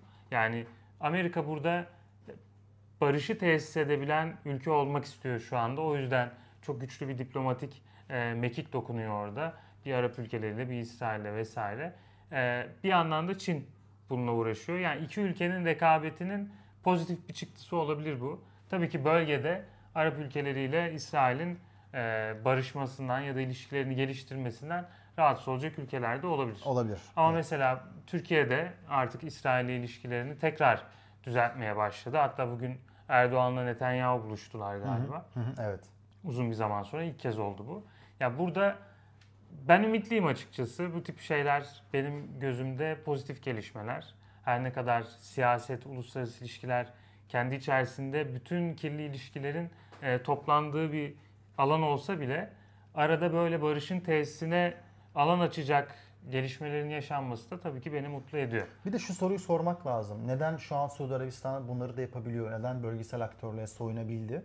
Bahsettiğimiz Biraz gibi aslında özetlediğimiz hikayeyle alakalı yani. Soğuk Savaş'ın sonrası vesaire kendisi bir yalan olması. Bir de hani buradan çıkarılacak ders şu. Bak 2021 yılında dünyadaki GDP büyümesinin %60'ı gelişmekte olan ülkelerde olmuş. Şu an %49'u elinde bulunduruyor bu ülkeler. Yani Batı'nın dışında, G7'nin dışındaki ekonominin %49'u bu ülkeler elinde ve e, tahmin edilebilir ki %50'nin üzerine çıkacak. Evet. Bir de Suudi Arabistan'ın şöyle bir avantajı oldu. Şimdi normalde e, Avrupa Birliği'ndeki ülkeler Suudi Arabistan'a işte bu insan hakları muhabbetinden falan dolayı çok ciddi bir yaptırım uygulamıştı. Fakat Rusya Savaşı'ndan sonra petrol olan ihtiyaç bu yaptırımları tekrar gözden geçirdi. Geçirdiler yani. Mesela en son e, iki hafta önceki olay e, Almanya'nın Al- Suudi Arabistan üzerindeki silah yaptırımlarının kaldırılmasına dair bir karar alındı. Neden? Çünkü e, Suudi Arabistan'dan petrol satın almak istiyor. E, Suudi Arabistan diyor ki bunun karşılığında silah vereceksin. Evet. E, bundan dolayı Suudi Arabistan'ın da Avrupa'ya ve Amerika'ya karşı oynayabileceği kod sayısı artıyor. Bunlar işte hep Rusya Savaşı'nın, e, Suudi Arabistan ekonomisinin bir büyümesinin bir izdüşümü. Yine de yani biz bütün bu yapısal açıklamaları severken lider faktörünün de etkisini göz ardı etmeyelim diyorum. Muhammed Bin Selman'ın öyle bir etkisi olmuş da olabilir. Sen yani şey vizyoner bir siyasetçi Evet, olarak diyorsun. Evet.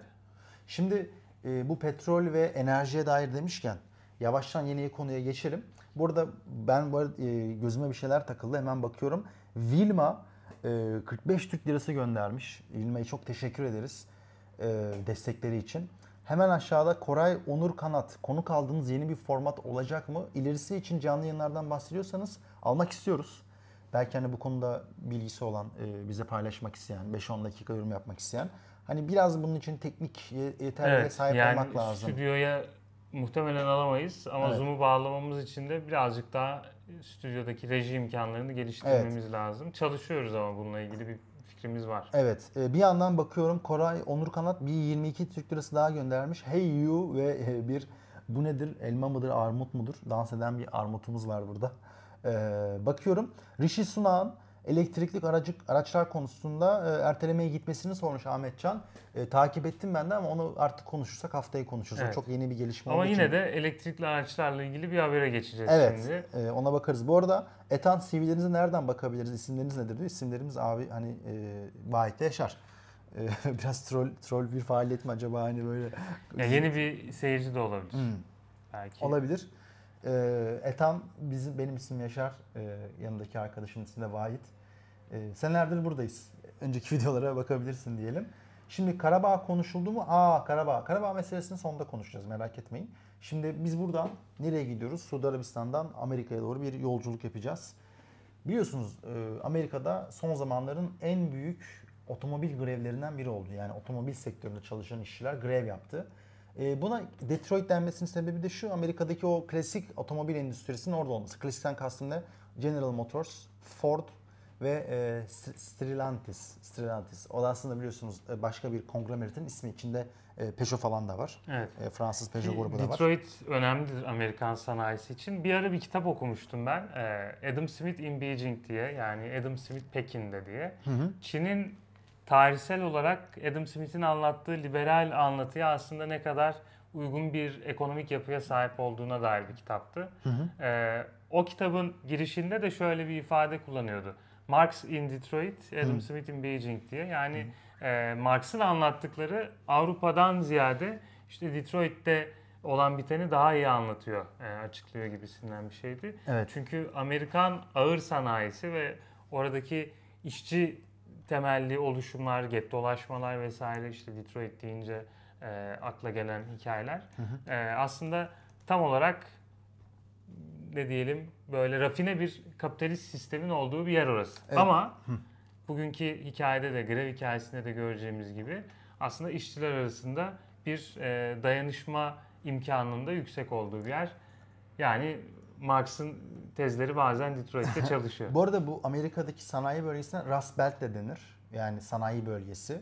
Ee, sonra zamanla bunun e, pas anlamı da oldu. Çünkü işte Michigan, Detroit, e, bu gibi eyalet, Wisconsin gibi eyaletlerde sanayi çok yoğundu.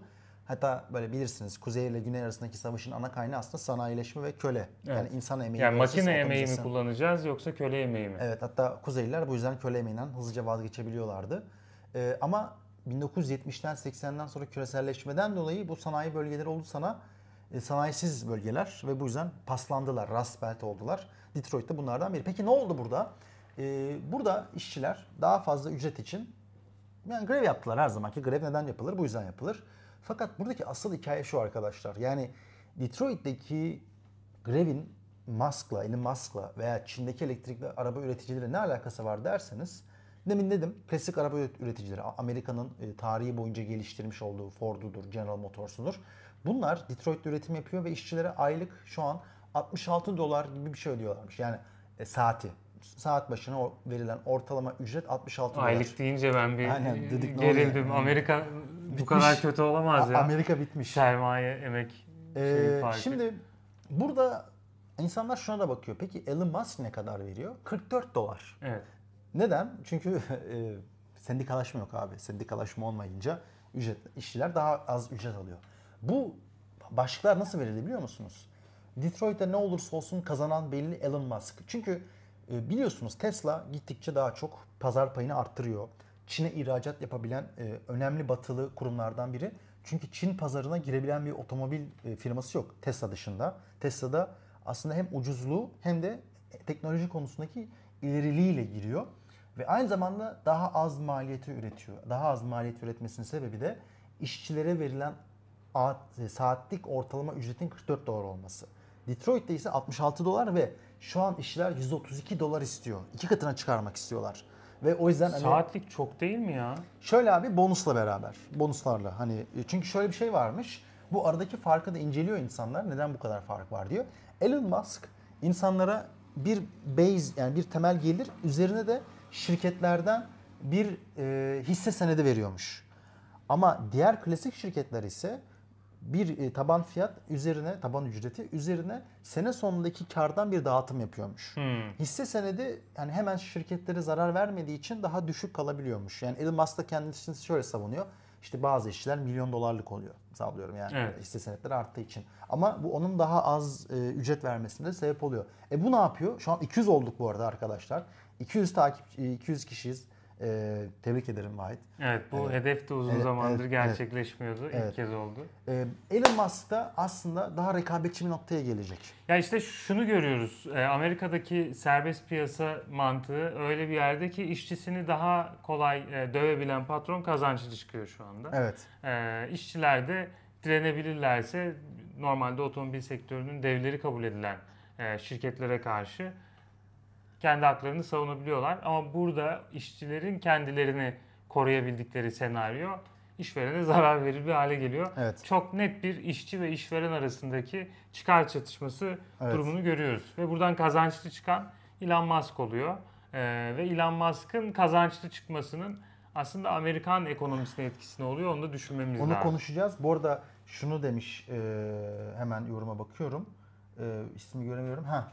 E, Çin'de Tesla alabilecek toplasan 500 kişi vardı şimdi Zülfikar. Çok, Tam o konuya gelelim mi? E, bir- ama yanlış bir yorum. Yani Evet. Çin'de büyüyen bir orta sınıf var ve insanlar talep ediyor elektrikli araçları. Ve aslında Çin elektrikli araçları ithal ederek başladığı hikayede en büyük elektrikli araç üreticisi haline geldi. Evet. Burada Tesla'nın rolü hiç azımsanmayacak kadar büyük. Evet. Yani Çin'de Tesla gayet de fazla sattı. Ee, çok geniş bir pazara hitap etti Tesla.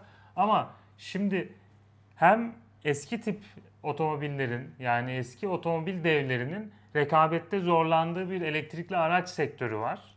Hem işte şimdi gördüğümüz Musk'ın ve aynı zamanda Çin'in daha kazançlı çıkabileceği yeni bir otomobil pazarı hikayesi var elektrikli araç piyasası. Evet. Ee, ve burada Çin'in Amerika'dakilere göre avantajlı olduğu bazı durumlar da var. Evet tabii. Ee, biz geçtiğimiz haftalarda belki de bir ay önce falandı ee, şeyden bahsetmiştik. Çin elektrikli araç pazarında bir anda dünyanın en büyük üreticisi haline geldi. Evet. BYI.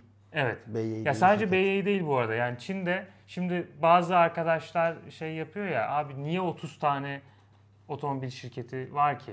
Yani bir devletin ya da bir ülkenin içinden niye 30 tane şirket çıkıyor? Hele ki Çin gibi neredeyse piyasanın büyük çoğunluğunun devlet güdümünde olduğu, kontrolünde olmasa bile güdümünde olduğu bir ekonomi içerisinde niye birden fazla otomobil şirketi var diye soruyor insanlar. Evet. Burada şunu görüyoruz. Yani kendi içlerinde rekabet edebilecekleri bir ortam yaratmaya çalışıyor Çin. Ee, bir nevi işte o liberal modelin ülke içerisinde tutması anlamına geliyor ama dışarıda e, onların hepsini koruyan korumacı bir anlayış var. Burada BYD evet ön- şey B ne, ne, neydi? BYI. BYI aynen. BYI öncü şirket ama BYI gibi elektrikli araç üreten çok fazla şirket var ve Evet. hepsi e, ciddi büyüme içerisinde. Tıpkı bu telefon şeyinde bir zamanlar Xiaomi, işte Huawei, ZTE gibi birbirinden farklı şirketlerin olması gibi Çin böyle markaları mantar gibi çoğaltıyor içlerinden uluslararası piyasada tutabilenler tutuyor, tutamayanlar zaman içerisinde elimine oluyor. Burada Çinlerin avantajının en önemlisi şu. Batarya üretiminde Çin aslında Lityum zirveye batarya, evet. oynamıştı. Yani önce iş arabayı yapmakla başlamadı Çin'de. Adamlar önce bataryayı yaptılar. Bataryayı yaptıktan sonra batarya da dünyada e, en büyük üretici haline geldikten sonra da arabayı yapmaya geçtiler. Bu batarya meselesi çok önemli. Çünkü şimdi klasik otomobil firmaları, işte Volkswagen'ı, Mercedes'i, Amerika'da saydığımız firmaları şimdi aynı anda hem bu klasik üretimi devam ettirirken bir de bir yandan elektrikli araçlara yatırım yapmak zorundaylardı. Ama Çin'in ironik başarısının sebebi e, tradisyonel arabada başarısız olması. Yani Evet. öyle bir üretim hattı kurmanıza gerek yok. Siz içten yanmalı motor üretmek zorunda değilsiniz. Bütün konsantrasyonunuzu elektrikli arabalara verebiliyorsunuz. Çin bunu yaptı. Lityum batarya pillerde kendisini çok geliştirdi. Ve bunun sebebi şu. e, Çin aslında her konuda yani araba piyasasının her konusunda e, iyi kötü kendisine yetebiliyor Evet. nadir metaller, nadir metalleri işlemek, ara parçalar ve en sonunda da işçi ücretlerinin düşüklüğü. İşçi ücretleri Şeyde de yarı iletkenler konusu da aynı evet şekilde. Çünkü teknolojik patentlerde bu de elektrikli araçlarda yarı iletkenler de çok önemli hale geliyor. Çünkü araçlar artık gittikçe e, akıllı telefona benzer hale geliyor. evet Ki Türkiye'de de işte TOG'un e, kendisini sunuş şeyi Use Case Mobility diye bir şey koymuşlardı, motto koymuşlardı ortaya. Yani biz bir araba satmıyoruz. Biz bir akıllı alet satıyoruz diye girmişti Türk Evet. şey TOG pazara. Şimdi mesela Çin'in ben yine maliyetlerine baktım. İşçi maliyetleri Avrupa'nın ve Amerika'nın e, maliyetleriyle karşılaştığınızda %40 daha az. Evet. Yani bir kere %40'lık bir avantaj var. Yine bakıyorum abi. İsveç'te geçen sene arabaların yani satılan arabaların %50'si elektrikliymiş. Tamamen elektrikli. Ve bunların %35'i Çinli BY'ye ait. Evet. Çünkü Çin 30 bin dolar bandında elektrikli araba üretebilen tek ülke. Bakın ucuza elektrikli araba üretiyor ve İsveç'e sattığı model e, 40 bin dolar bandına yani bunun daha pahalısı. Çünkü SUV bakın 40 bin dolara SUV elektrikli araç üretiyor ve bu şu an diğer firmaların yapabildiği bir şey değil. Biraz Tesla onunla rekabet edebiliyor. De- demin bahsettiğim sebeplerden ötürü ama Çin'in rekabetinin kaynağı e, çok ucuz olması. Şimdi geçenlerde bir tane e, finansal analist bir arkadaşımla konuştum. Bu güneş panelleri üzerine çalışıyor. Abi diyor yani e, Çin'le rekabet edilmez diyor. Yani adam sana 3-4 kat daha ucuza sunuyor. Şimdi Evet. bu güneş panellerinde böyle, arabada böyle, işte batarya teknolojisinde böyle. Dolayısıyla Çin'in nadir metallerdeki üstünlüğünden tutun nadir metalleri işlemeye kadar ki yine okuduğum e, yazı nadir metaller işleme konusunda Çin'in üstünlüğüne çok böyle önemli bir e, böyle altını çiziyordu bunun. E, muazzam bir dominasyonu var ve Avrupalılar yeni uyandı bu meseleye. Yani geçen bak Macron'a çok dalga geçiyorlar abi ben buna kızıyorum. Adam ne dese olay oluyor salak malak diyorlar. Biz de dedi Avrupalı olarak niye biz enayi miyiz dedi Çin'in sübvansiyonlu arabası geliyor, Amerika'nın sübvansiyonlu arabası geliyor. Biz kendimizi şey yapamıyoruz. Ki Haklı. aslında Fransa'nın da ürettiği elektrikli araç bayağı var. Evet. Ee, fakat insanları normal araçtan, klasik araçtan elektrikliye geçişe ikna edemiyorlar. Az önce söyledin ya 30 bin dolara üretmek bir başarı diye. Çin 30 bin dolara araç üretebiliyor.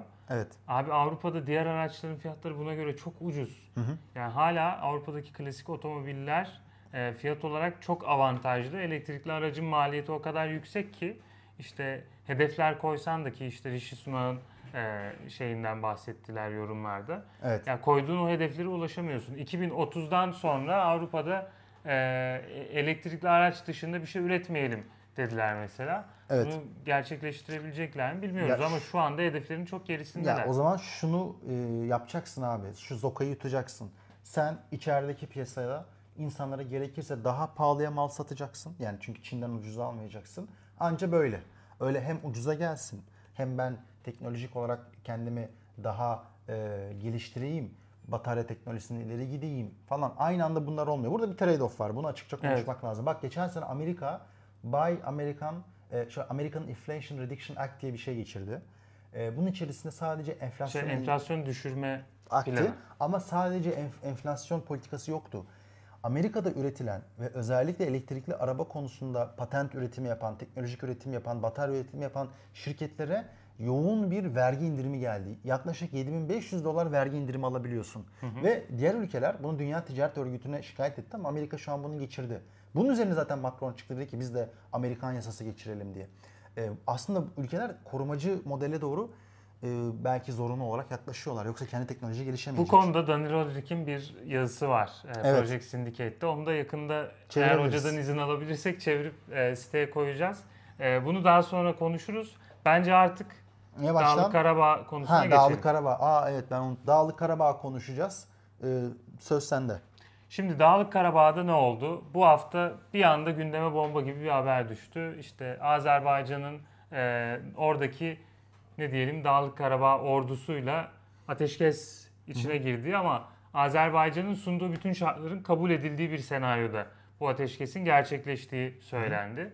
Sonrasında da Azerbaycan'ın oradaki e, Ermeni toplulukla bir entegrasyon süreci planlayacağı konuşuldu. Bu entegrasyon süreci planlaması da e, yine Azerbaycan'ın sunduğu şartlar içerisinde olacak. Dolayısıyla Azerbaycan oradaki nüfusa ki yani 100 binin üzerinde bir Ermeni nüfusu olduğunu tahmin ediyorum. e, diyecek ki bu ülkenin vatandaşı olmak istiyorsanız şartlar şunlar, elde edeceğiniz haklar bunlar. Dolayısıyla beğenen kalsın, beğenmeyen Ermenistan'a gidebilir. Evet. Benim tahminim bu yönde tabii ama e, bu tahmini birçok analistin de paylaştığını e, okuyorum. Dolayısıyla hikaye şuna döndü. Hatırlarsın birkaç yıldır e, gittikçe şiddeti artan bir çatışma vardı orada ve bu çatışma iki ülke arasında bir savaşa evrilmişti. Tabii savaş Kısa oldu bir süreliğine. Evet, evet. Çünkü normalde hikaye şu. Ee, Azerbaycan'ın içerisinde kendi yani self declared bir Armenian Republic var. Evet. Çok ben de senden bulaştı. bak. İngilizce kendi kendilerini e, kendi kendilerini ilan ettikleri bir devlet var. Yani kimsenin tanımadığı. Yani Ermenistan'ın bir parçasıyız demiyorlar. Özerk bir e, devlet olmaya çalışıyorlar ama kimse tanımıyor burayı. Evet. Aynı şey işte Nahçıvan için de geçerliydi bir zamanlar. Ee, ya teknik olarak hala geçerli olsa da e, Azerbaycan'la bura arasındaki gerilim Azerbaycan'ın buraya silahlarla müdahale ettiği bir senaryoda uluslararası bir krize dönüşüyor. Tabii. O krizde de iki önemli taraf vardı. Birisi Ermenistan, diğeri Rusya. Şimdi ne oldu? Ee, geçtiğimiz yıllarda yaşanan çatışmalarda ki çatışmaların en yoğunlaştığı dönemde Azerbaycan'ın Türkiye ve İsrail'den aldığı e, insan sava araçlarıyla sahada hatta silahlı insan sava araçlarıyla sahada büyük bir üstünlük sağladığı görüldü. Hatta işte o ne oldu Paşinyan videosuyla İlham Aliyev e, bir viral olmuştu Türkiye'de de. Evet. O sürecin sonunda Ermenistan bu savaşı yenildiğini kabul etmek zorunda kaldı. Ama burada Ermenistan'ın iç dinamikleri de Çok e, önemli. önemli bir Çünkü- hal aldı. Çünkü Paşinyan'a ciddi bir baskı var. Paşinyan ya orada basmışlardı başbakanlık e, makamını basmışlardı. son olaylarda da öyle oldu. Görmüşsündür. Meydanda protestolar gerçekleşti. Çünkü halkın bir bölümü ve diaspora daha agresif bir Ermenistan görmek istiyor. Ermenistan'ın gerekirse silahlı mücadeleye girmesini Evet. istiyor. Ee, çatışmayı yukarı doğru taşımasını istiyor. Ama Paşinyan ise e, yaptığı muhtemelen jeopolitik hesaplar. Çünkü Ya bir de abi gücün yok senin. Heh, yani bu işte. gücü olmayıp hırsı olan bir ülke ya- tamamen elimine de olabilir. Tamamen Yani abi- elimine olursun. Çok ciddi savaş tazminatı ödersin Evet. ve hani e, Midyat'a giderken Bulgur'dan da olursun. Aynen. Şimdi Paşinyan ama bunun bir küresel bağlantısını da konuşalım çünkü şu çok konuşuldu. Azerbaycan'ın kutlamalarında İsrail bayrağı vardı ve bu ne anlama geliyor? Evet. Bu şu anlama geliyor arkadaşlar. Şimdi Ermenistan İran'la beraber yakın. Çünkü İran'ın da arası Azerbaycan'la iyi değil. Hem e, Güney Azerbaycan'daki nüfus hem İran e, içerisinde çok ciddi bir e, Türkik nüfus olması. Bir anlamda bu iki ülke birbirini rakip olarak görüyor. Bölgesel hegemonya çatışmasında.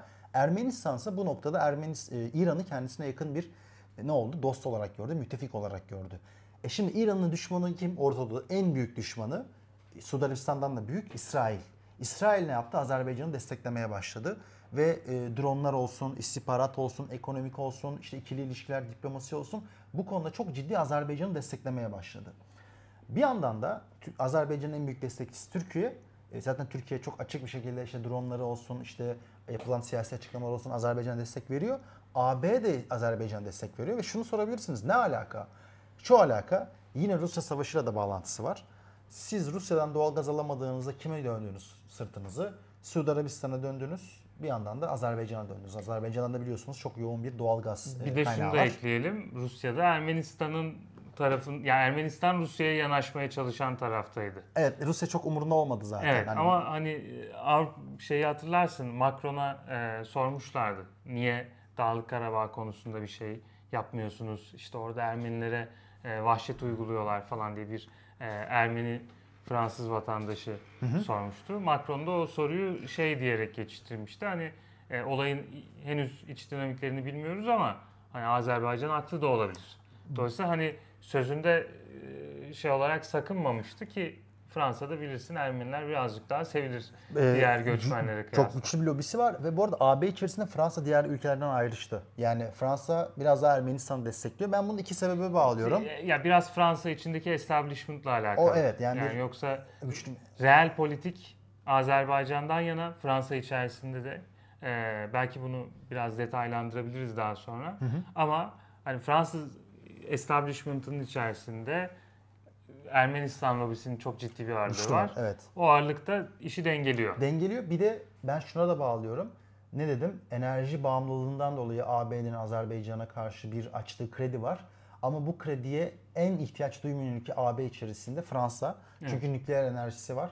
Nükleer enerjisi olduğu için hem sanayinin elektriklenmesi yani elektrik üretimine dahil edilmesi hem de e, evlerin ısıtılması konusunda Fransa doğalgaza diğer ülkelere kıyasla daha az bağımlı. Bu da Fransa'nın e, şimdiki hakim siyasi diskuru yani Fransa içerisindeki hali hazırda bir kas olan Ermeni yakınlığını ve Ermeni lobisine hala alan açmasına imkan veriyor. Ben düşünüyorum ki eğer e, enerji bağımlılığı konusunda Almanya gibi bir sorun yaşasaydı Fransa bu konuda daha dengeli olur veya hiç konuşmazdı. Şu an bu yüzden AB içerisinde Ermenistan'a yönelik e, desteklerini açıklayan veya bu konuda biraz daha pro e, Ermenistancı gözüken, Ermeni eğilimleri olan ülke Fransa. Ben biraz bunu enerjiye de Evet. e, bağlıyorum.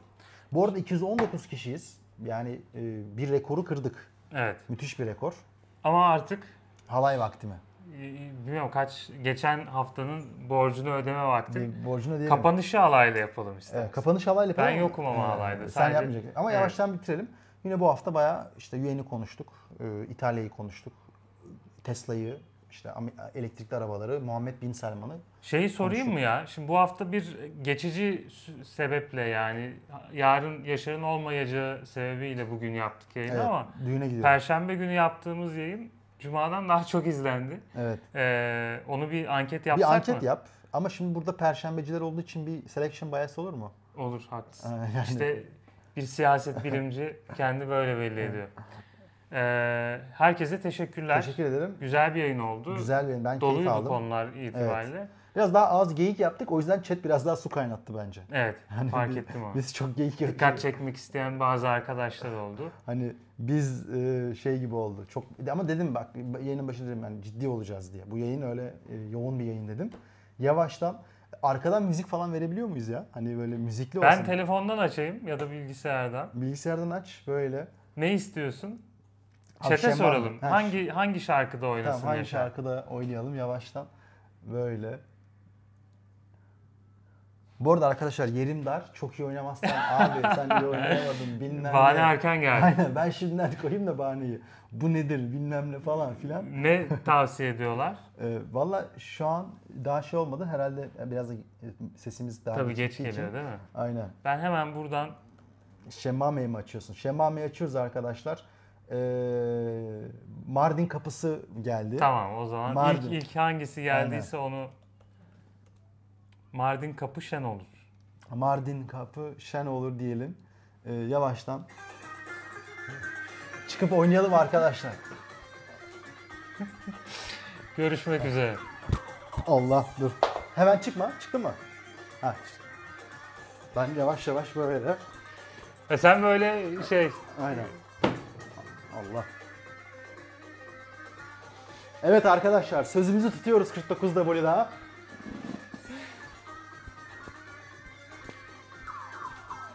Kapışan olur. Ley ley ley ley. Evet arkadaşlar. kapatsın.